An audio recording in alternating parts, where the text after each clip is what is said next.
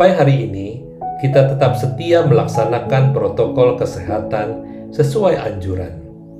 Walau keadaan pandemi belum terlihat akan semakin membaik, bahkan kita melakukan dengan penuh ketaatan, tunduk atas kesadaran sendiri dan kemauan sendiri, karena semuanya demi keselamatan kita. Demikian pula seharusnya dengan berdoa.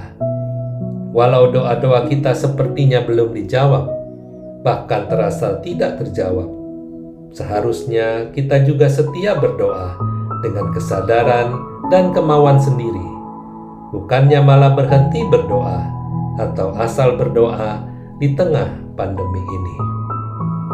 Kadang kita lebih mau berjuang untuk keselamatan daging atau tubuh kita yang sementara daripada untuk keselamatan kekal bagi jiwa kita. Manusia pada umumnya tidak senang akan perubahan. Namun pandemi ini memaksa kita untuk keluar dari zona nyaman dan mulai melakukan perubahan supaya kita tetap bisa menjalani hidup keseharian dalam musim pandemi ini.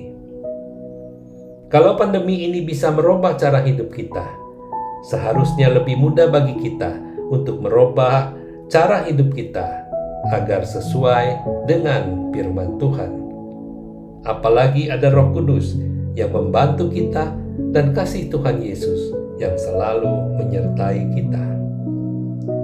Mungkinkah melalui pandemi ini Tuhan mau mengajar kita agar merubah hidup kita agar sesuai dengan firman-Nya? Mungkin saja, mengapa tidak? Matius 26 ayat 41 berkata, Berjaga-jagalah dan berdoalah, supaya kamu jangan jatuh ke dalam percobaan.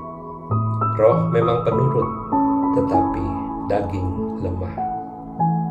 Di balik dari semua masalah dan kesusahan yang dihadapi, selalu ada berkat Tuhan yang akan menyertai.